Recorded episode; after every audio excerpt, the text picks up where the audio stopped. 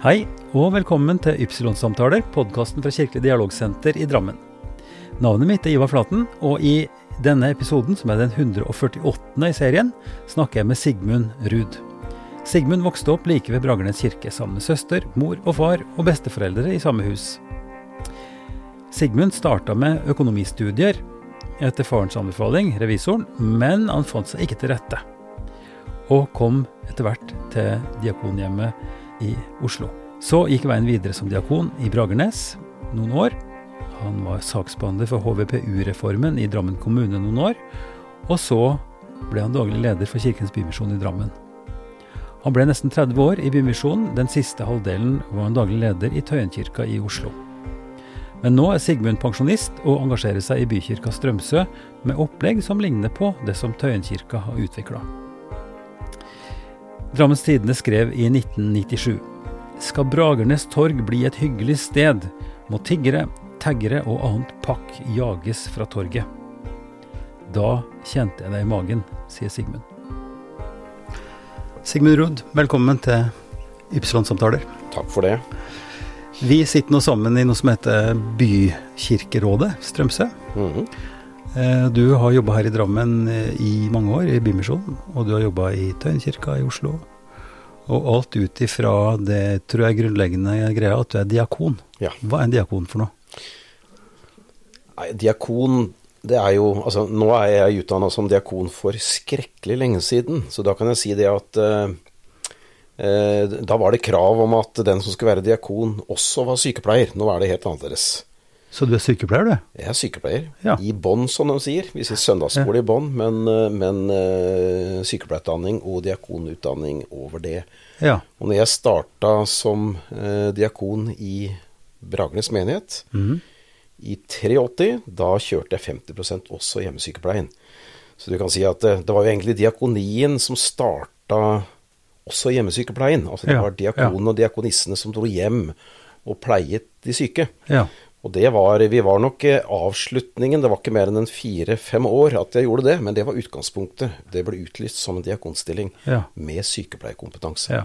Men det var ikke et svar på hva Nei. diakoni er. Altså Hvis jeg skal ta definisjon på diakoni, Ja. som jeg egentlig er veldig, veldig eh, stolt og eh, glad for. Da er det diakoni er kirkens omsorgsarbeid. Det er evangeliet i handling. Mm. Og uttrykkes gjennom nestekjærlighet, Mm. inkluderende fellesskap, eh, inkluderende Uh, Plutselig går jeg surr, vet du. Ja. Det, det jeg kan utenat. Ja. Men det går både på inkluderende fellesskap, ja. og det går på kamp for miljø, og det går på rettferdighet. Kamp for rettferdighet. Mm. Og dette er en ganske stor og vid definisjon som, eh, som da forklarer på en måte det som vi ikke sa i utgangspunktet, nemlig at dette har et utspring i kirka. Det er en kirkelig tjeneste. Det er en kirkelig tjeneste. Og, og det er vel riktig å si òg, som du var inne på, at, eh, at diakonien, altså den praktiske kjærlighetsgjerninga, eller det sosiale arbeidet, eller helse, omsorg, alt det som ligger i den dimensjonen der, har sitt utspring i, i nettopp nestekjærlighetsbudet og en, en kirkelig, og kanskje tilbake til munkevesenet, og altså når, når klostra og, og uh, utvikla både legekunst og ja, annen slags kunnskap òg. Så dette er, slags, dette er en ganske stor pakke av en slags praktisk, en slags praktisk side av en religiøs tro.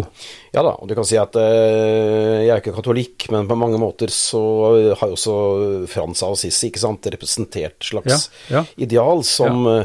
ga avkall på eh, rikdommen, og som levde blant de fattige. Og, og, og, og var med på å, reise de opp.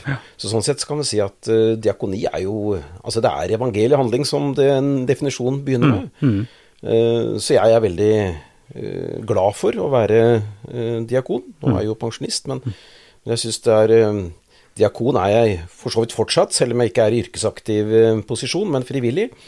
Eh, sånn at eh, det å være diakon for meg, det ja, Det er ikke det at jeg liksom skal slå meg på brystet og si at det er men, men for meg har det vært et utgangspunkt som har vært veldig meningsfullt. Ja, Ja, og i og med at vi nå snakker om kirka og, og tjeneste, du sier at du er diakon fortsatt selv om du er pensjonist, altså at det ikke er knytta direkte til det, den yrkesaktive, det er en slags identitet. Ja da, det er jo som eh, prest også, ikke sant. Ja, det er det jeg skulle si, Prest som er ordinert, ja, ja, er jo prest selv om han ikke eventuelt uh, har en aktiv kirkelig stilling eller er pensjonist. Mm. Og sånn er det jo for en vigsla diakon, fordi at jeg er også vigsla. Og det betyr at jeg tar med meg en slags identitet som jeg bærer med meg. Ja. Uh, det er ingen byrde, men det er en, en tilhørighet og et så, holdepunkt. Så det er, en tilhørighet, et holdepunkt og et, en slags rolle som, som, du går inn i, og som du har, som så klart er innvevd i din personlighet og, og, og, og Sigmund som, som, person. Men du er diakon i kraft av noe annet enn bare deg sjøl. Ja da. Ikke sant? Og det er sånn der, jeg tenker det er nokså likt med, med presterollen også. Når en, når en, fungerer som prest i en eller annen seremoni eller, eller ja. i en samtale, så er en jo prest med en litt annen tyngde enn bare sin egen ja. historie og personlighet. Men det er så innvevd. Så jo, det er riktig når du sier liksom rolle, men ikke rolle i den måten at uh, Sigmund som person er én, og uh, diakon uh, er en annen rolle. sånn sett så tenker jeg dette er vevd inn i en helhet av hvem jeg er blitt, og hvem mm. jeg er. Så skal vi snakke litt om det? Hvorfor du har blitt den du har blitt? Altså du heter Ruud, og, og Ruud er jo en stor familie, og du har en opp, Si litt om oppveksten din. Ja, ja jeg vokste opp, uh, vokste opp uh, like bak uh, tinghuset, like ved um, brannposten, som det heter, på, mm -hmm. på Bragnes. Ja. og hadde jo en fin og trygg oppvekst, hvor kirke og bedehus var en helt uh, naturlig del av, av, oppveksten. Det er en generasjonsbolig med besteforeldre i annen etasje og vi med leilighet i underetasjen. Mm. Og husker jo spesielt bestemor som noe veldig godt å komme opp til. Uh, vi har jo en søster som er en del yngre. og mamma hadde mer enn nok med, med på en måte min lillesøster i perioder. Ja. Og det kunne gå opp til bestemor i antasje og få hjelp med, med, lekser, og at hun hadde tid til å høre hvordan jeg hadde hatt det, mm. var en fin oppvekst, det må jeg bare si. Ja. Og du sa, du sa kirke og bedehus. Eh, folk vet jo veldig godt hvor, eh, hvor Bragernes kirke står. Det er jo byens liksom, ja. hovedkirke, på en måte. Men bedehus, hva slags eh, bedehus snakker vi om da? Ja, Det lå jo der hvor uh, bak Torv Vest, altså, og parkeringshuset i, i Toms gate. Mm -hmm. Der var jo det et bedehus som ble revet i forbindelse med utbyggingen som da skjedde av det såkalte Torget Vest og eh, parkeringshuset. Ja. Midt borti gata, hvis det hadde gått det, så hadde den stoppa i det, det gamle, gamle bedehuset. Ja. Og hva slags bedehus var det? Var... Det var Indremisjon. Ja. Mm. Jeg kan vel også si det at eh, jo da, det var ikke Jeg opplevde ikke det så veldig eh, problematisk, selv om en del av det kan jo være kritisk til. Det var liksom eh, såkalt eh, vitnemøter og, og, mm. mye som ble sagt, og jeg opplevde det som regel trygt og, og, og fint. Men det var én ting som jeg godt kan nevne som satt igjen som en litt sånn skremmende opplevelse. Mm. Og det var den sangen 'Himmel og jord skal brenne, berg og dal forsvinne med ja. den som tror', osv. osv. Ja, ja. Så den, den, hadde jeg faktisk som, som barn eh, mareritt over. Jeg opplevde flere ganger at jeg våkna i et landskap som var totalt utbrent. Senga mi var intakt, men rundt meg var et utbrent landskap hvor det var ingenting. Ja. Så denne opplevelsen fra bedehuset med med 'Himmel og jord skal brenne', ja. Bergen-Dal forsvinner, det opplevde jeg som en, en skremmende og ikke en, et godt bilde. Noen opplevde jo at det var, ja. var, et godt bilde, men jeg opplevde for meg var det et veldig, veldig skremmende bilde. Det er klart, denne opplevelsen fra bedehuset som også handlet om veldig sterkt denne personlige omvendelsen og så, jeg vet jo ikke akkurat om barndommen vel så mye var preget av eh, frykt for en fortapelse enn glede over noe annet. Det, det er jo noen som vil gå så langt eh, som å si at hva er poenget med kristendommen hvis ikke det er himmel og helvete? Hvis ikke det er helvete. Altså, det, altså, frelsen er frelse fra noe. Ja. Eh, og, og, og, det som så klart er interessant med både forkynnelsen og vitnesbyrdene og det som skjer i et bedehus, eller i Til forskjell kanskje fra kirka, på en måte, da. Ja. Eh, at, at, det kirkelige budskapet da er på en måte mer, om ikke formelt, så er det i hvert fall mer en slags form av en type teologi, og det kan jo så klart òg være ganske kraftig forkynnelse der, men, Mm. men at det er en større bredde og kanskje større frihet, og dermed også en større risiko for, å, for at sterke bilder blir, blir malt ut. Og, og jeg kjenner jo det veldig godt igjen fra min egen oppvekst og barndom. altså At, eh, at helvetesforkynnelsen faktisk, en kan si at det var det, var brukt særlig i sånne vekkelseskampanjer hvor det kom eksterne Ja. forkynnere som, eh, hvor, en skulle, hvor en skulle ha vekkelse. Ikke sant? Mm. En vekkelse betyr at det er mange som, som blir vekt, da, eller Ja. får en bevissthet om at her er det viktig å ta noen valg og gjøre noe med livet sitt. Mm. Og at det ofte blir kategori, kategorien eh, altså eh, Pass nå på at ikke du havner på feil sted, liksom. Ja da. Det er klart det også er jo en, eh, en teologi og forståelse som preget min oppvekst, men der har jeg jo beveget meg ganske langt eh, gjennom ikke minst uh, i senere år. Jeg har vært 23 år i Bymisjon og, og møtt via frigjøringsteologer som Sturla Stålseth, eh, Kari Weiteberg Mm. osv. som har jobba tett på, så har jeg liksom opplevd en fornyelse og en trygghet, hvor dette med fortapelsen på en måte mye mer er knyttet til eh, ja, f.eks. krigen i Ukraina. Det er en fortapelse. Mm. Sulten er en fortapelse. Når mennesker blir slått, så er det en fortapelse. Mm. Så jeg tror vi opplever jo mye av det destruktive, onde rundt oss. Og vi opplever at eh, mennesker på en måte går fortapt i destruktive handlinger. Mm. Og da tenker jeg på en måte at for meg er jo eh, Kristus og frigjøringen dette med å holde opp og tro på. Altså det handler ikke om at det er uvesentlig å ikke ha en gud i livet. For jeg tror at for meg så er jo det representerer både Kristus og, og eh, Gud. Eh, det som reiser opp. Mm. Eh, alle gode krefter reiser opp. Men for meg er det et utgangspunkt. Og jeg tror jo da at vi kommer til en dag, eh, kan godt kalle det dommens dag, først og fremst oppleve at vi blir fri eh, fra alt det destruktive, og vi reises opp til det vi egentlig var ment å være. Så Trygghet, tillit og kjærlighet, og en, en, en tilhørighet. Ja. Men i det perspektivet der, så Når vi snakker om de store, store tinga som handler om rettferdighet og sannhet og, og ikke sant Det som bryter ned, og det som bygger opp i veldig kvalifisert forstand, da, så, så er det behov for en Det er jo behov for en dom. Det er behov for et, Ja. det behov for et oppgjør. Ja.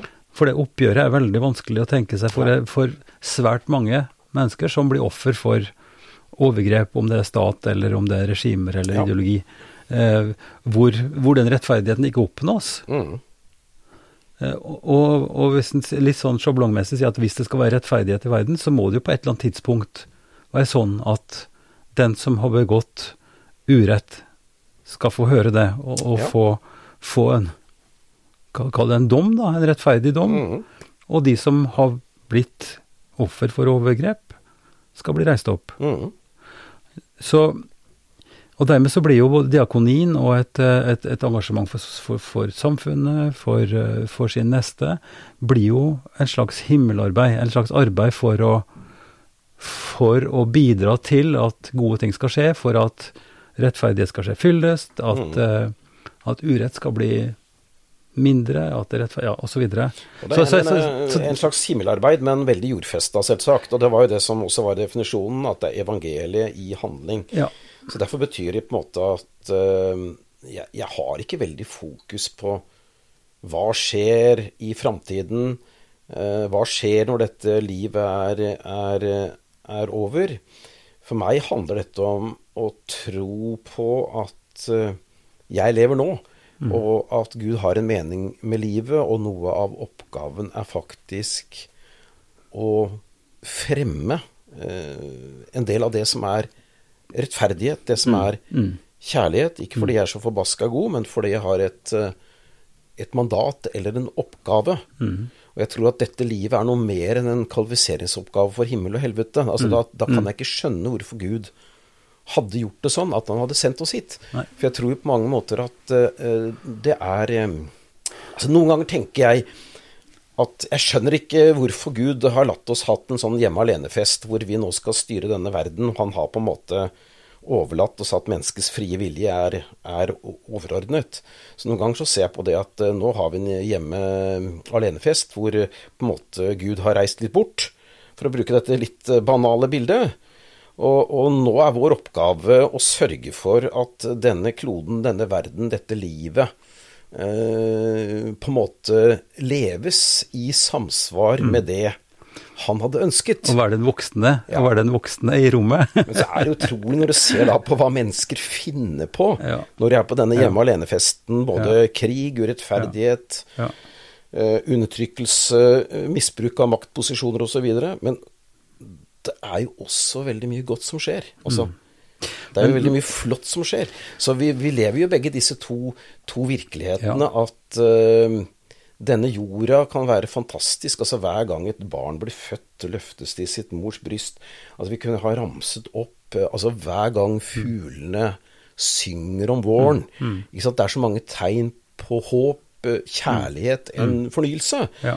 Samtidig som vi ser alle disse tingene som, som er destruktivt. Men da tenker jeg min oppgave, din oppgave, alles oppgave er på en måte å prøve å manøvrere i denne virkeligheten ikke fordi vi til slutt skal vinne et eller annet, eller, mm. eller kvalifisere oss til et mm. eller annet, men fordi faktisk livet i seg selv har en, en mening og har et mandat. Ja, ja. Og, det, og, det, er jo veldig betimelig da, å snakke om, for det er kanskje noe av det som, som mange har et problem med, liksom at kirka blir en slags moralsk pekefinger. Mm. At det er noen som tror at de har kommet dit. Det er noen som har rett, og som kan peke på andre og si at du eh, er nok ikke Du burde nok eh, ta rev i seil, osv. Eh, men jeg tenker samtidig at en sånn holdning avslører jo at, at en kanskje ikke altså Nå snakker jeg om meg sjøl, altså snakker, har ikke helt, et helt godt bilde av seg sjøl. For mm. den som kjenner seg sjøl godt, vet jo at den ikke er perfekt. Ja. Altså, Ethvert menneske vet jo at den er sårbar, og at den at den både lever og gjør ting som, eh, som den ikke er stolt av, og som Altså, det er en slags eh, på, på kristeligøst språk så er det jo det at en skal ha en daglig omvendelse. Det betyr at en skal ha en bevissthet om at, at den skal snu seg mot lyset og gjøre det som Ja, osv. At, en, at den lever i en virkelighet som er dobbel. Ja. Og dermed så blir det også realistisk å kunne ta inn over seg at verden er et forferdelig sted. Mm. Eh, fordi at mennesket har et potensial til det som er helt eh, forferdelig, mm. eh, og et potensial til det som er godt. Mm. Eh, og, og jeg, har, jeg, leser jo mye, som du ser i biblioteket her, og, og har stor glede av det.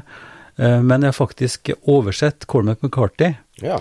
Eh, han, sk han, skrev Han har lest mange bøker. Ja. Mange av dem er ganske ja, brutale. Men, men, men, veien, ikke sant, som er den, den store ja. måte, bildet av en verden som, er, som, har gått over, eller som er på en måte helt på slutten pga. en stor katastrofe. Ja. En sånn postapokalyptisk sak.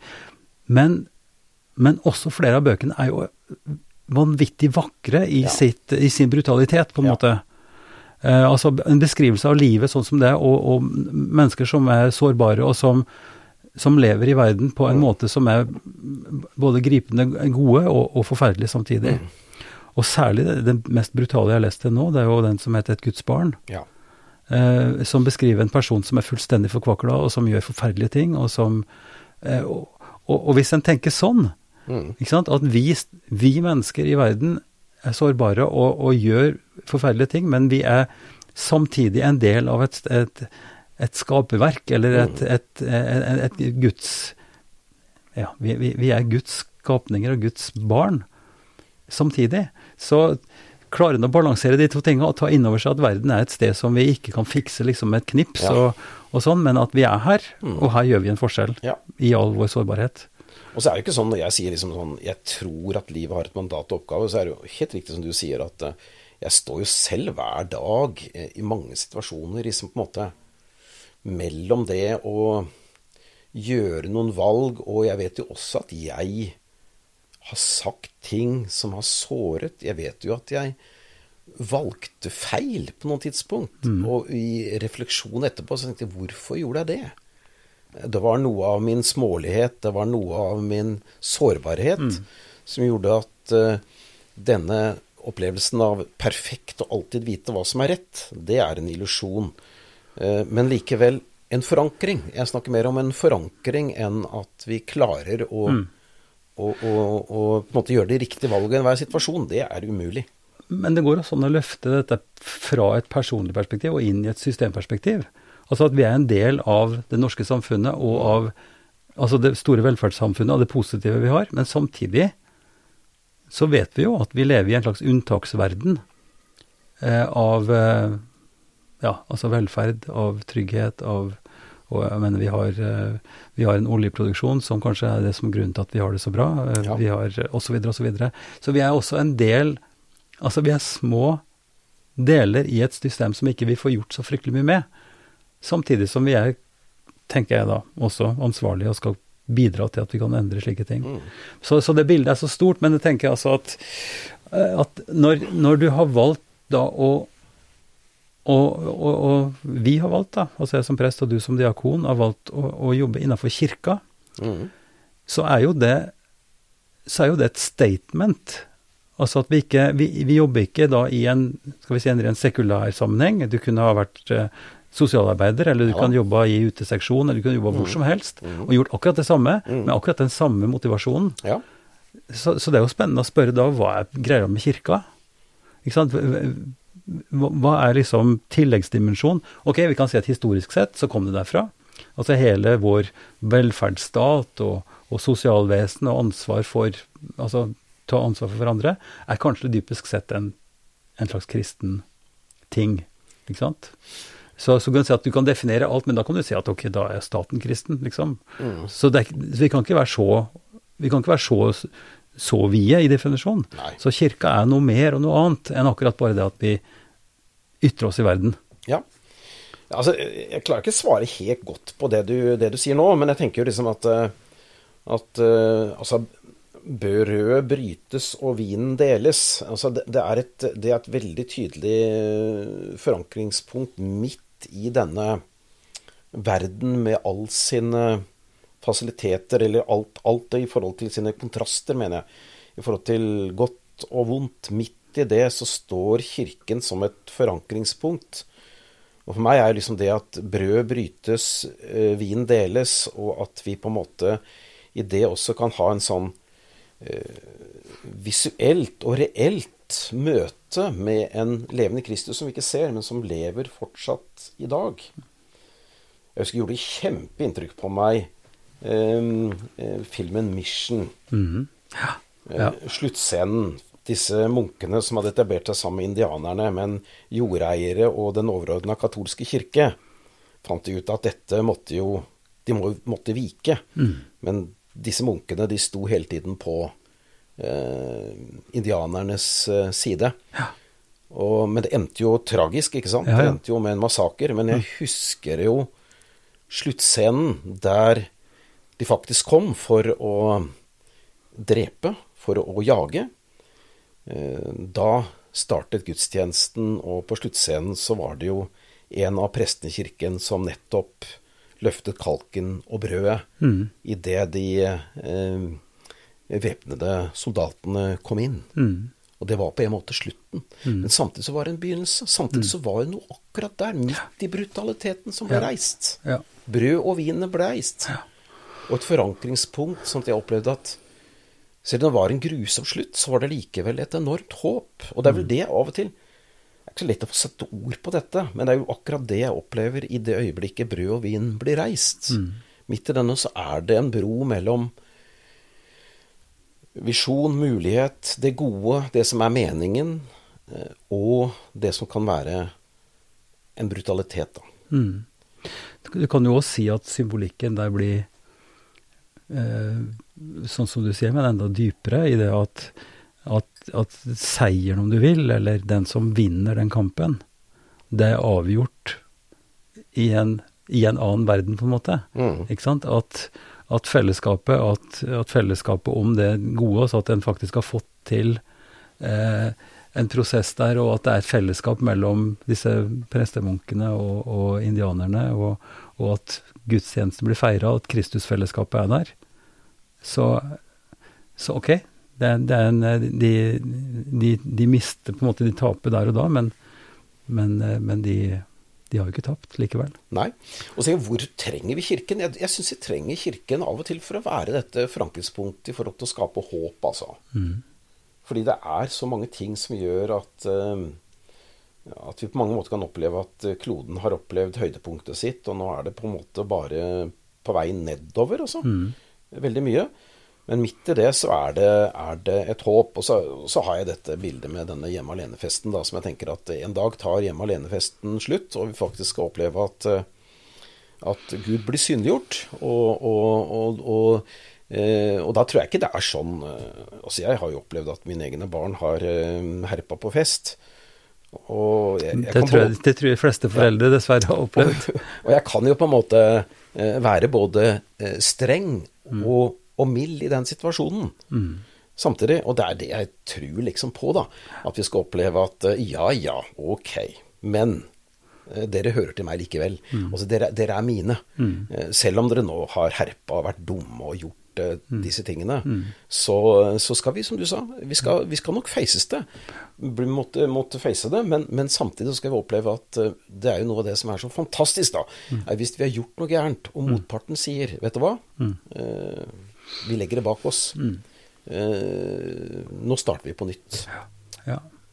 Nei, men uh, dette var jo et slags teologisk, Ja. uh, skal vi si, eksistensielt ekskurs i, i hvordan en kan overleve både i kirka og i, i verden, kanskje. Ja. Men uh, snakk litt om veien inn, inn i dette her. Altså, du snakka om bestemor og, Ja, og familien på Bragernes, og, og, og Sigmund sov litt dårlig om natta av og til fordi at du hadde disse forferdelige bildene om Ja.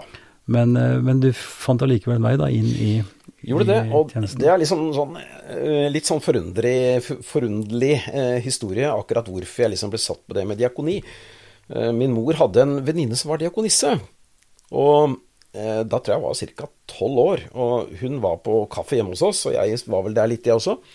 Så sa plutselig den diakonissen, vet du hva, Sigmund, i natt så hadde jeg en drøm, og da var jeg i en samling for diakoner og diakonisser. Og vet du, midt i den forsamlingen satt du. Det var vel på et tidspunkt jeg eh, ikke hadde noen veldig klare bilder av det å være eh, diakon. Men likevel så satte den kommentaren Ikke sånn at jeg liksom tror at dette er veldig sånn det, Dette må oppfylles, drømmen må oppfylles. Men den, den eh, kommentaren gjorde at jeg fikk en diakon, ja. Hva, hva? Ideen, ideen var, var sådd. Ja, så tolvåring så begynte jeg å grave litt i hva det var. Ja, Ja, Og jeg tror det var på en måte Jeg tror du kan si at det var eh, det som mm, på en måte satte helt tatt ideen i meg, da. ja. Vet du, jeg hadde en samtale med Jørn Fevang, Ja. og Jørn var uh, i ei kirke og hørte Jeg tror det var Semål, Bach Semålsmesse. Mhm. Og han ble så grepet. Han visste da dette er det jeg skal drive med. ja. Ja. En litt annen ting, for så vidt, men Ja. altså, det er utrolig hva tidlige spor, eller hva inntrykk, og, og sånt, i disse formative årene, altså hva, hva omgivelsene, sånn sett, gjør med oss, og preger Ja, oss. og så er det klart at det skjer jo ting underveis. For at jeg, jeg var jo litt sånn forvirra, ikke sant. Og eh, faren min var uh, jobba hos fylkesskattesjefen og var eh, skatterevisor. Ja. Og han var veldig tydelig på det at uh, du bør begynne på økonomisk gymnas, og så bør du gå denne veien. Det er en sikker og Ja. god framtid. Og jeg begynte jo på økonomisk gymnas, Ja. men det var også der jeg på en måte bare kjente ved meg sjøl at nei, dette her er ikke veien. Så da jeg gått et halvt år på økonomisk gymnas, så, så faktisk så droppa jeg ut. Jeg var en skoledropper da. Så begynte jeg å jobbe som pleiemedhjelper på, på Strømsø sykehjem rett her nede. Hva, hvordan reagerte faren din da? Veldig bra. Ja, bra. Mm. Han sa da at gutten min, bare du, bare du gjør noe som er meningsfylt og viktig Så jeg tror han klarte å omstille seg veldig fort. Han hadde vært veldig tydelig på hva jeg burde velge, men han var også veldig støttende når jeg sa vet du hva, dette er ikke tingen for meg. Og så historien lang, jeg skal ikke lage så veldig lang historie ut av det, men det endte jo med at jeg da tok et år på Sagavold folkehøgskole på friluftslinje. Da er vi to. Da er vi to, ja. Skjønte det. Og så eh, eh, tok jeg opp eh, som privatist eh, en del artiumsfag, sånn at jeg fikk kompetansen til å komme inn på Diakonhjemmet. da. Og når jeg kom på Diakonhjemmet, så var det, det var en slags uh, Nå er jeg hjemme, altså. Fortell om det. Hva var, hva var det som gjorde det? Nei, det var, det var fellesskapet, det var fagene, det var diskusjonene. Det var, uh, det var uh, bare rett og slett Hvilket år snakker vi om da? Jeg begynte i januar 1975. Ja, 75, altså Ja. eh, Samfunnsdebatt, Ja da. eh, radikalitet. Otto Auglin var en kjent person Ja, som ja. var rektor på Sosialhøgskolen. Ja. Jeg gikk på sykepleierskolen. Kristensosialister. Kristensosialismens uh, høyborg, det der, vet du. Ja. Så det var eh, det, det med brytning mellom kirke og samfunn, og en slags sånn For meg veldig god radikalitet da, da. Mhm. Det, det Radikalitet handler Radix er jo rot. Ja. Altså det å få noen eh, røtter ned i et jordsmonn og mm -hmm. lag som gjør at den får næring. Det er vel det det handler om, kanskje? Ja, i hvert fall var det eh, flotte år med utdanning hvor jeg opplevde at noe av røttene ble satt, for å si det sånn. da. Mm. Mm. Så var det tilfeldigheter. Mange, altså Livet er tilfeldigheter. Jeg ble, så, ble såkalt militærnekter og fikk sivilarbeid i Bragernes menighet. Mhm.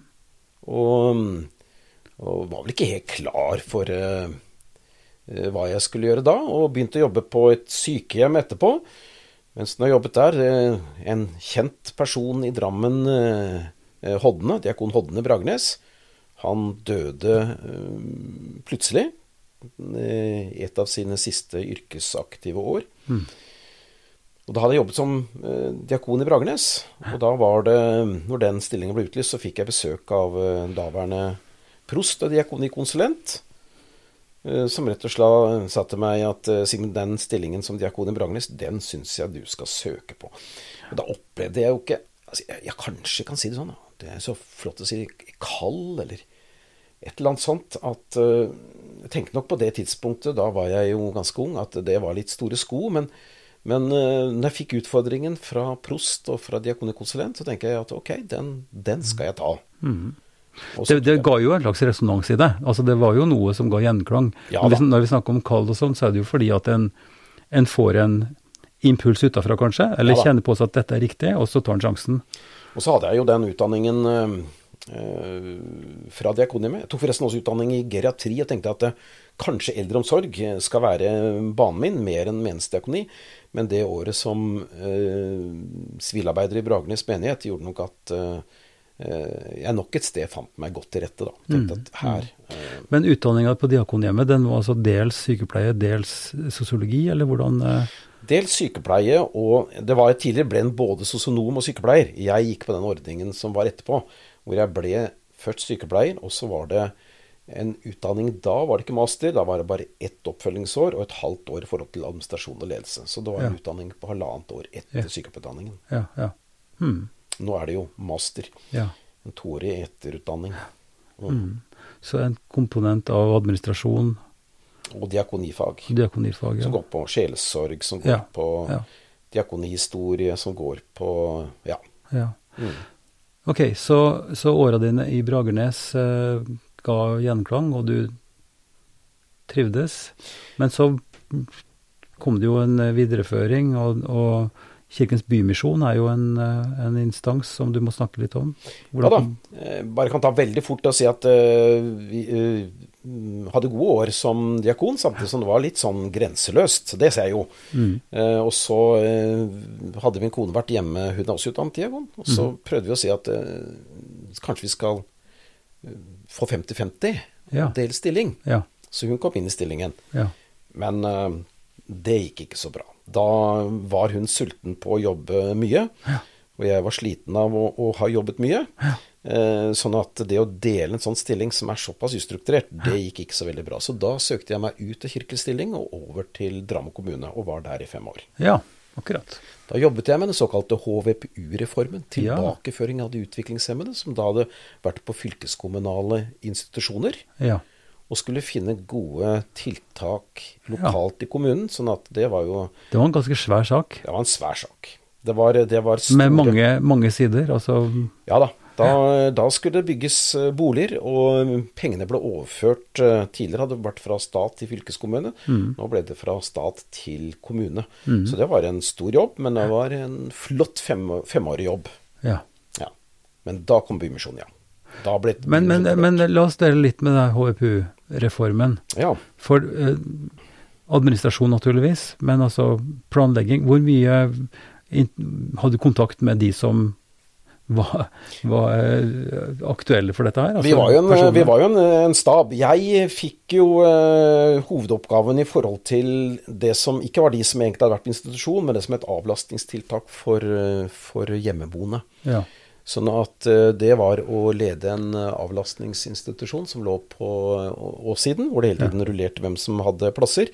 Pluss at vi hadde 50 private avlastningshjem, altså på helgeavlastning osv. For hjemmeboende. Så jeg hadde veiledningen av disse, og jeg hadde også mye kontakt med pårørende.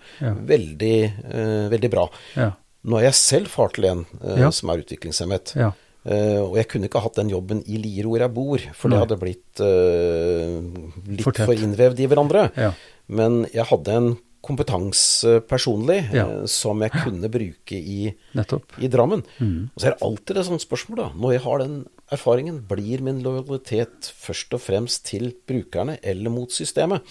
Jeg tror i dag er det en del som sliter veldig med det. Hvor er lojaliteten? Ja. Er de den som skal kjempe for brukernes rett oppover i systemet, eller er det de som skal forsvare systemet overfor brukerne, som ofte har begrensninger?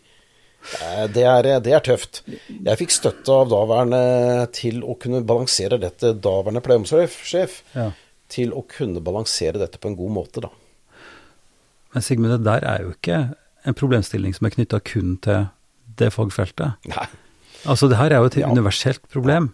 Og jeg tenker politikerne våre må jo stå midt i ja. den suppa. Ja. Altså suppe, sier jeg. Altså midt i den problemstillinga som er en reell problemstilling og et ekte dilemma. Mm.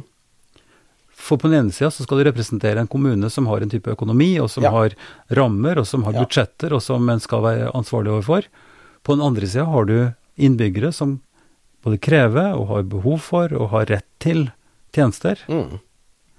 Og så må en gjøre vurderinger som da antageligvis, og ser vi, det ser vi jo i avisene, bør ikke være rakettforsker for å skjønne at det der kan bli konflikter. Altså en lokal skole eller et ja. eldrehjem. Eh, og som gjør og grunnen til at jeg nå syns det er interessant å ta det opp litt her, det er jo at da kommer du òg i en situasjon hvor du som politiker, da, eller som fagperson, mm. kommer i en skvis. Fordi at det er noen som har veldig sterke følelser på at mitt mitt pleiehjem eller min skole, mm. den må vi, ja. den skal vi, og den har vi alltid hatt, osv., osv. Mm. og hvis ikke, så lager vi en aksjon, og så lager mm. vi et Altså, nå har vi hatt bompengeparti, men det skulle forundre meg om vi fikk et Ja, vi har jo fått et eldreparti nå. Ja. Hvor særinteressene, som er legitime, eh, blir løfta fram. Mm. Men kanskje til skade for en helhetstenkning som en politiker mm må ta ansvar for. Jeg syns dette her, også både kirkelig sett, moralsk sett og på en måte samfunnsøkonomisk, er et veldig interessant punkt. Eh, for hvem er det vi skal kaste stein på, liksom? Mm. Hvis ikke vi får, får, det sånn som vi vil. Mm. Altså. Jeg tror står det spennet, så er det ideelle å ha folk som på en måte har en helhet i seg, og ærlighet. Altså, vi er nødt for å være ærlige. Noen ganger må vi si, vet du hva, det finnes ikke mer Mm, ressurser til å kunne gjøre så veldig mye med. Men samtidig kanskje bekrefte at uh, det går ikke på det at du ikke har behov, det er bare at vi har ikke ressursene. Mm. Jeg tror du gjør noe feil ganger når du sier nei, dette har du ikke behov for. Ja.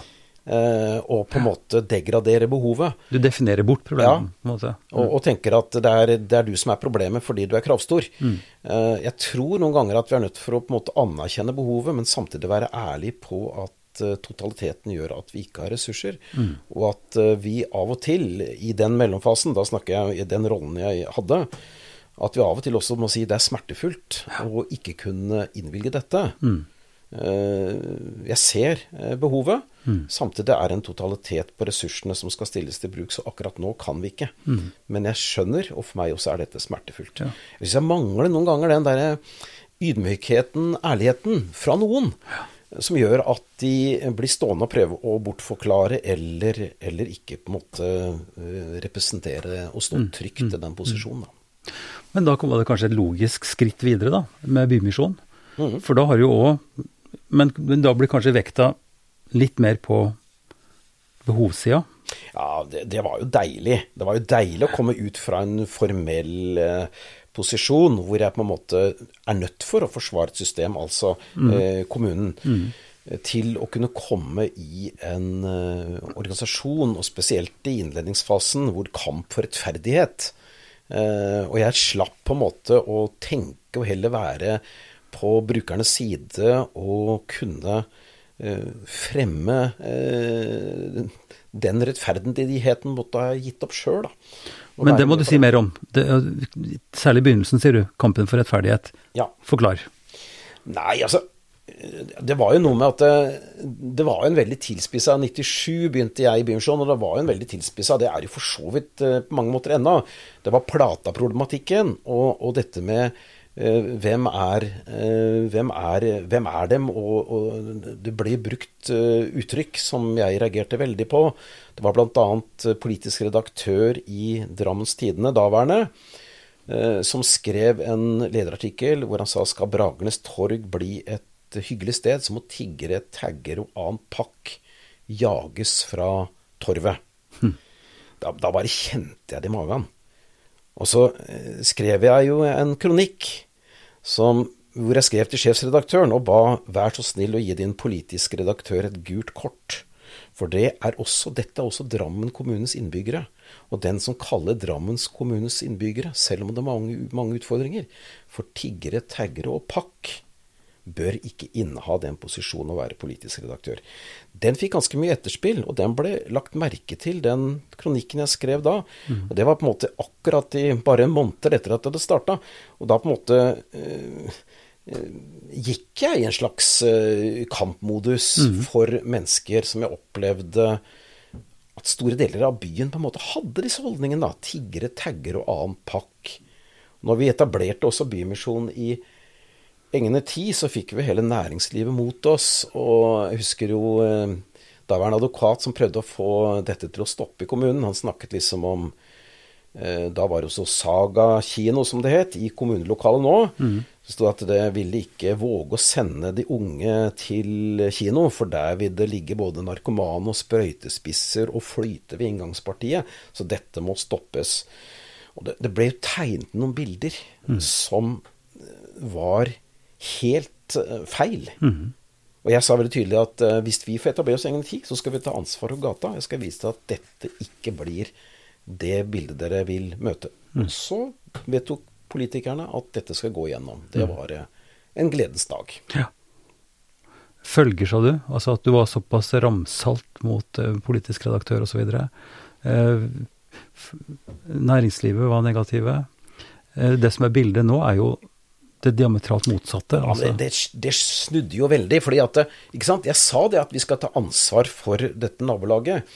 Og, og det var jo sånn også at jeg syntes det var viktig, selv om jeg ikke var en ønsket person, og vi var en ønsket instans, så syntes jeg det var viktig for det første å være hyggelig, være ryddig. Mm. eh, bruke selv eh, når jeg skulle handle produkter som var naturlig å, å handle. Eh, handle det i, eh, holdt på å si, eh, denne gata. Og jeg sa også til de som eide at hvis det, våre gjester på en måte lager trøbbel i butikkene, så ring meg, så skal jeg stikke innom og ta en prat. Og det gjorde jeg noen ganger. Hadde en litt sånn artig historie som, som er noe som, som, som skjedde. Og da var det en som hadde eh, stjålet eh, noen dyre solbriller hos en optiker i byen. Den optikeren han fulgte etter eh, NN, som gikk opp i gata og inn i kafeen i Engene 10.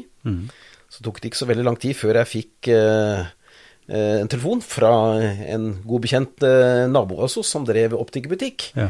Og der sto jo denne andre optikeren og optikeren som drev butikken. Og han som hadde fått stjålet, han var, han var sint. Og jeg sa jo til ham at eh, vi er ikke noe kirkeasyl, sånn at hvis det faktisk er en som har stjålet noe, så er det helt legitimt å, å, å ringe til politiet og, og si at vi, vi må bare Og så sa den som nå drev butikken ved siden av oss, sa at det, det er nesten ingen som stjeler mer hos oss. Så bildet ble helt motsatt. Ja. av det som de trodde.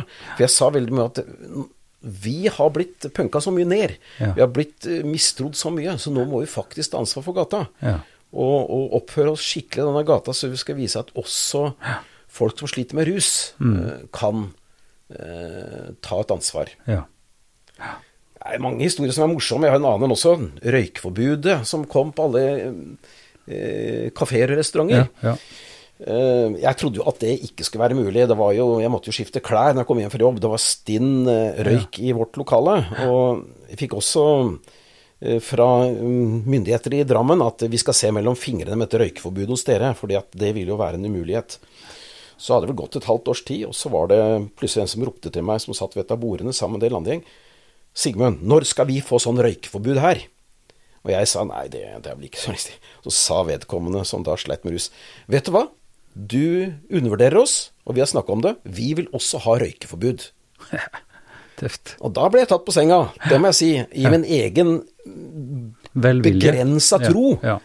på dem. Og det blei røyking i bakgården, og det blei røykeforbud, og det var, gikk helt uproblematisk. Jeg må si, der undervurderte jeg denne gruppa ganske betraktelig. Men det er ikke ofte sånn, da? Jo. Altså i velvilje og i, på en måte, i empati og så videre, så tenker vi at ja ja, stakkars, Øh, vi skal se mellom fingrene La dem nå få lov til å røyke, da. Ja, ja, ikke sant. Det er jo det.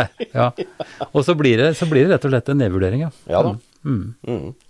Nei, så det, der fikk jeg meg en klaps på fingeren og Mm. måtte bare si at uh, flott, vi skal få røykeforbud, og det har fungert uh, greit og skapte, så vidt jeg vet, ingen, ingen konflikter.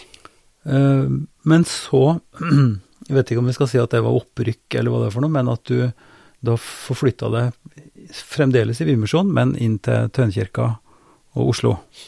Hva var grunnen til det? Nei, altså, vi vokste jo. Vi hadde Ja. jo TV-aksjon i 2004, og vi fikk jo, eh, vi fikk jo eh, flere virksomheter eh, som åpna. Et arbeidsmarkedstiltak, en kafé for folk som var kommet, eh, som ikke var aktiv rus, men som hadde vært på behandling osv.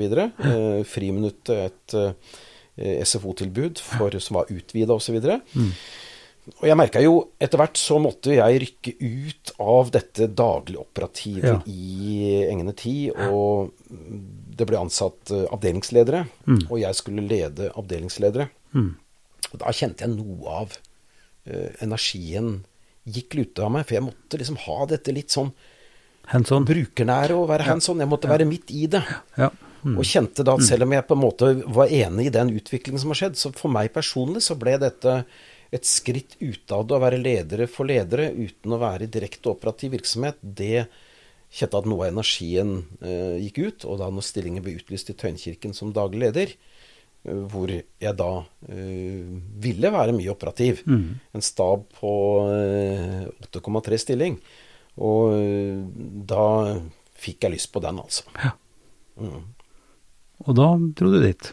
Da dro, da dro jeg dit. Ja. Og De åtte stillingene, hva er det for noe? det er, eh, det er eh, Altså hvis jeg skal ramse opp, så hadde vi to på kjøkkenet, for vi drev jo et kjøkken med daglig servering, pluss kursvirksomhet internt i Bymisjonen osv.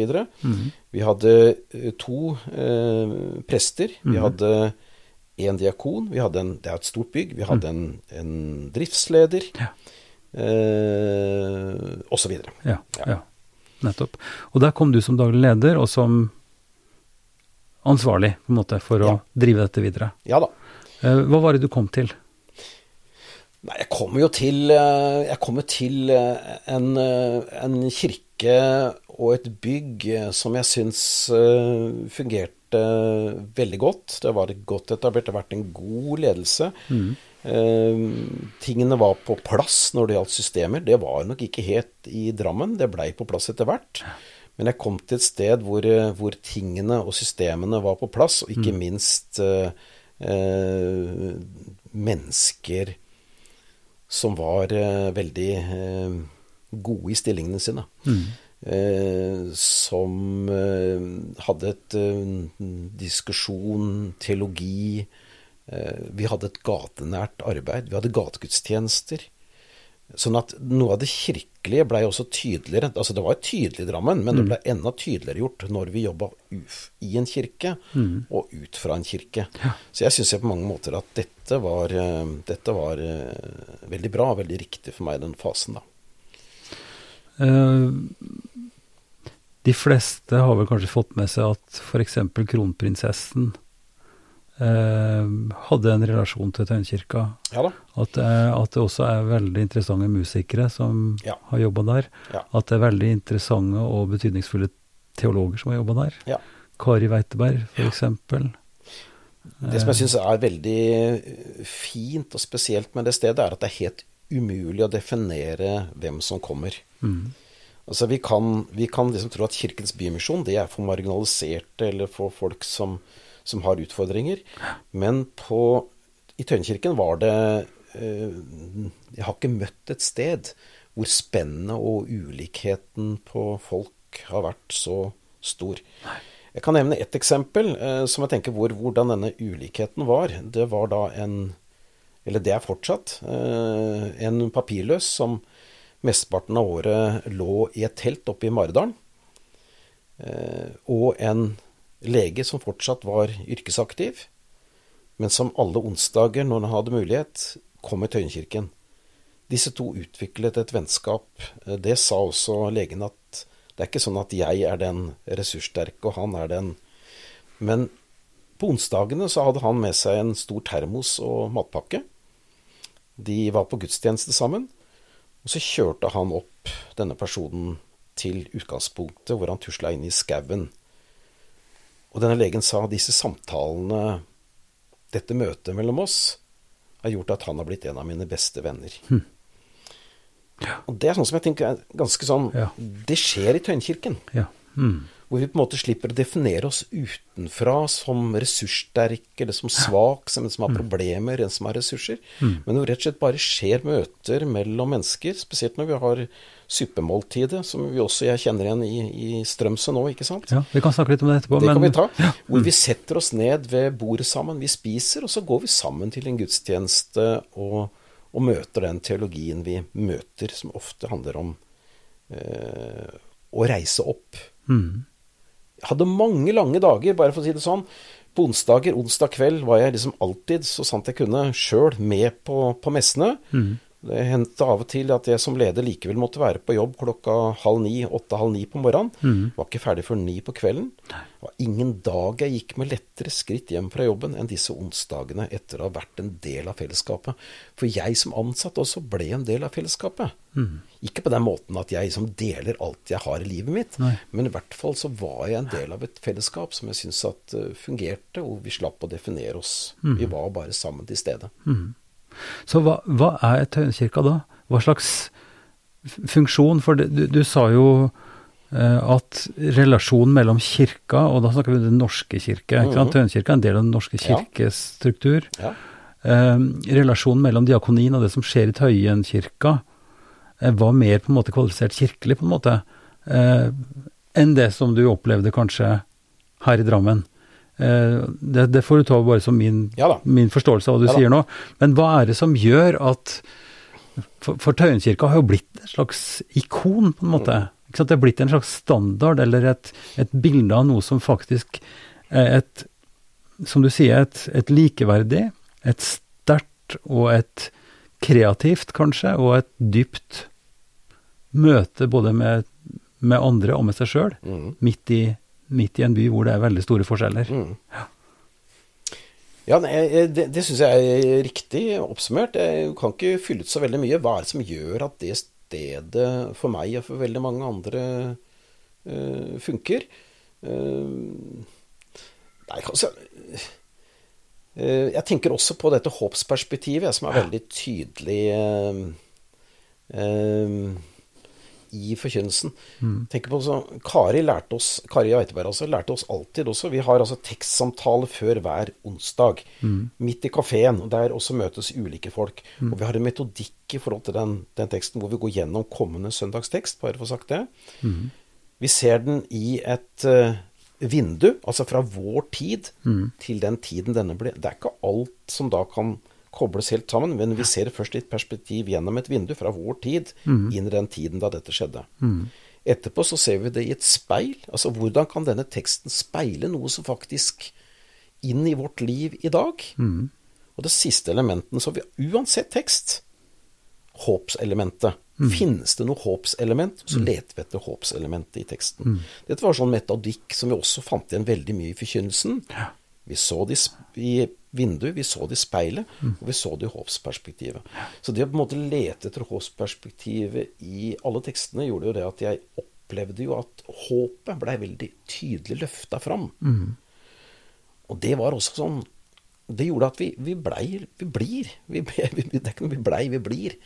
I det perspektivet også løfta fram. Og da blir jo på mange måter kirken, gudstjenesten, fellesskapet et forankringspunkt og et håpspunkt.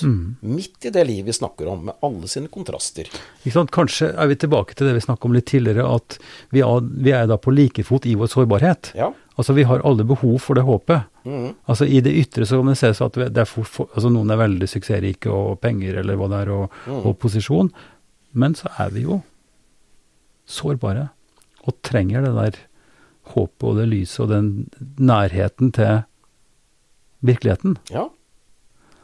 Eh, Så er dette, er dette unikt for Tøyenkirka? Er dette noe som du er dette noe som du ikke vil finne i Nei, det er Domkirka? heldigvis ikke. Altså, det er, For det er jo forskjell på Domkirka sin gudstjeneste og Tøyenkirka. Ja, ja. Ja da, det er det. Det jeg, det jeg liksom uh, tenker at uh, Altså, jeg, jeg har veldig sans for vanlig Den norske kirke og, og liturgiarbeid. Dette må ikke stå i kontrast. Men det jeg opplever noen ganger kan falle i en sånn grøft, er at vi blir tilskuere. Altså den vanlige menigheten blir tilskuere Ja, ja. til en profesjonalitet og det som skjer. Ja. Der opplevde jeg at Tønkirken var litt annerledes. For det var sånn Under suppemåltidet så gikk den frivillige liturgen rundt og spurte hvem er det som har lyst til å lese tekst i dag. Har du lyst til å lese tekst? Ja, da får du teksten. Da kan du øve deg. Har du lyst til å være med å tenne lys i dag? Ja. Så ble det en gjeng som var med i prosesjon, men det var veldig mye sånn lagd der og da. ja. Og det var ikke sånn at det var noen som var passive og noen som var aktive. Nei. Det ble i grunnen sånn at vi alle sammen hadde et fellesskap hvor vi noen ganger ble utfordra til å være aktive. Eh, Så det er liksom noe som jeg tenker noen ganger på, at vi må vokte oss litt for å bli så profesjonalisert at det blir noen utøvere og noen tilskuere. Ja, Det syns jeg er godt observert. Eh, Men Sigmund, nå, nå drar du jo dette med deg inn hit til Drammen. Altså Det er en slags visjon, er det ikke det? I, i Strømsø, bykirka Drøms, Ja, Strømsø. At, at denne måten å være kirke på, denne måten å være i nærheten av dagliglivet, av Ja. folk som Ja, for oss som er sårbare. At det er noe som nå skjer, og som utvikles Ja, det, er det, som er, det er det som er så deilig og fint. fordi at, ikke sant, når jeg så visjonen nå om Strømsø bykirke, så er det ikke sånn at dette var noe jeg opplevde i Tøyenkirken og ikke opplever her. Jeg syns jeg opplever jo veldig mye av det som skjer på disse onsdagsmeksene eh, med, med suppemåltid, og ved at vi har denne gudstjenesten, mm. syns jeg veldig mye av det er, er det samme fundamentet. Ja.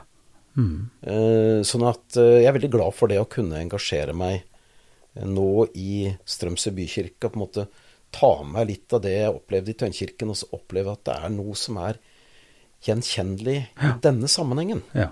Og det syns jeg er veldig flott. Så jeg er veldig glad for det som skjer. Og så trenger vi på en måte mangfold av ulike kirkelige tilbud, Ja, tenker jeg. ja, Strømsø ja. representerer det, og så representerer andre kirker noe annet. ja, nettopp. Og en annet eh, liturgisk uttrykk. Men nå har vi snakka så mye om, om Tøyenkirka, og om, om det som du på en måte drar ut som substansen der, og verdien der, og, og sånt. Og, og, derfor er det jo interessant at det er en satsing nå i Drammen, altså en kirkelig satsing, en satsing av flere frivillige, sånn som du, og, og meg også, eh, at vi, at vi ønsker å realisere dette her som et sted som kanskje er litt forskjellig Ja. Eh, fra en standard høymessesituasjon, som du sier kanskje er litt mer Altså mer formell, kanskje, og litt, litt vanskeligere å finne sin plass i for noen. Altså, jeg, altså, sentrum blir på en måte eh, Sentrumet blir eh, midt imellom oss. og Det er umulig å definere på en Ja, måte hvem ja, som kommer. ja. Det er det jeg håper at Det er ikke sånn at vi liksom tenker Å ja, hvem er du, og hva, Men dette med at vi kan ha dette udefinerbare og si at her er det bare mennesker som møtes til et måltid, uavhengig av hva vi bærer i livet. Og så hender det jo noen, jeg som frivillig også, får på en måte biter av det livet som for noen kan være veldig utfordrende. Ja. Og at det kommer en del mennesker som faktisk eh, bærer på en tung bør. Mm. Det kan også være en realitet, men det er ingen forutsetning. Nei, altså, Dette er et sted hvor folk kan komme som de er, og være som de er. Eh, Begge deler. Eh, Og sånn som i Tøyenkirka, det var jo et helt spekter gjennom uka av ikke sant? Det var konserter, det var, det var messe, det var samtaler, det var åp åpent hus. Ja. Eh, og det er vel noe av det samme en tenker seg også i Bykirka Strømsø? Ja, det er klart. Nå brukte jo eh, Bymisjonen i Oslo store ressurser på Det var jo åpent seks dager i uka. Ja. Eh, Sånn at det er klart, de brukte jo betydelig med midler av innsamla midler. Mm. De har jo veldig mange ting som er offentlig finansiert, men akkurat dette var innsamla midler og Bymisjons egne midler. Og det brukte de mye av for å få dette til å, å fungere. Det er klart, drømmen hadde vært at eh, noen av den samme ressurssituasjonen kunne være Ja. eh, her, sånn at de kunne hatt mer åpent. Vi har åpent to dager i uka, tirsdag og onsdag. Og så er det en del konserter og andre tilbud også som er gjennom uka ellers, da. Sigmund, takk for eh, en veldig fin samtale, og lykke til med Vi får ønske hverandre lykke til, da, med realiseringa av Bykirka Strømsø. Og kanskje er det noen som hører på dette her, som eh, tenker at ja, kanskje skal jeg besøke kirke. Det er onsdager, ikke sant, først og fremst? Det er onsdager. Det er tirsdager. Da er det åpen kirke fra tolv 12 til 4. Og på eh, onsdager er det åpent fra tolv. 12. Eh, og så er det suppemåltid klokken 17 og messe klokken 18. Det er på en måte eh, indrefileten i tilbudet, syns ja. jeg, da. Eh, akkurat fra 17 til 19, Ja. da vi får med oss suppemåltid og denne messa. Og så kunne vi så klart òg nevne at det finnes et samtaletilbud som er mer strukturert, som blant annet du har ansvar for, der folk kan bestille tid, eller, eller si at Ja. ok, nå vil jeg ha en personlig samtale som er mellom deg og eller dere og Det er flere muligheter for å få komme inn det. En, en ting er å stikke innom på disse åpningstidene og si at jeg ønsker en, eh, en, en samtale. Og da Ja. kan vi gjøre avtale eh, hvor vi har en samtalerekke som gjøres mulig. Ja. Så det er også et av tilbudene som jeg syns er veldig fint. da. Og så en tredje kategori som hører på nå, kanskje tenker at ja, dette høres veldig bra ut, mangler de penger? Hm, ja, kanskje jeg kan hjelpe til med det også. Ja da, det er mange. Vi ønsker bl.a. å glasse inn bak i kirken for å Ja. kunne ha, Ja. ha det varmt og godt om vinteren. Så Ja. at vi kan ha et Ja. litt skjerma lokale for en, en liten kafé. Ja. Så det er mange drømmer og mange Ja. visjoner, og sannelig skal det bli noe av etter hvert, altså. Kjempefint. Takk skal du ha, Sigmund. Likeså, du. Ypsilon-samtalene produseres for eh, Kirkelig dialogsenter i Drammen av Ivar Flaten. Og det er jeg som eh, har redaktøransvaret, og, og som produserer episodene. Podkasten er støtta av Drammen kommune, av eh, Barne- og familiedepartementet og av Einar Juels legat. Vi ønsker svært gjerne innspill på hvem som kan være aktuelle som eh, samtalepartnere. Gjerne også med temaer til hva dere syns kan være interessant å høre om. Gi gjerne beskjed via mail til ivar krøllalfa ifd.no. Altså ivar krøllalfa ifd.no. Vi høres.